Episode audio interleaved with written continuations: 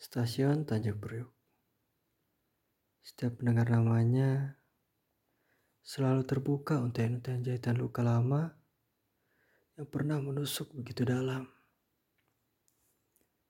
Saat berpijak di stasiunnya, tak menunggu lama, memori-memori lampau soal kepergianmu tercuat di ujung mataku.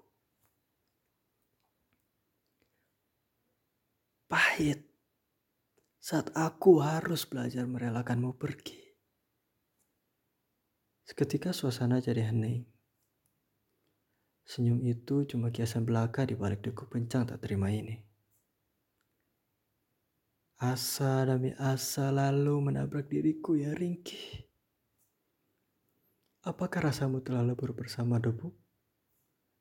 Lalu terbang bersama dengan rasaku yang tak kau tahu itu.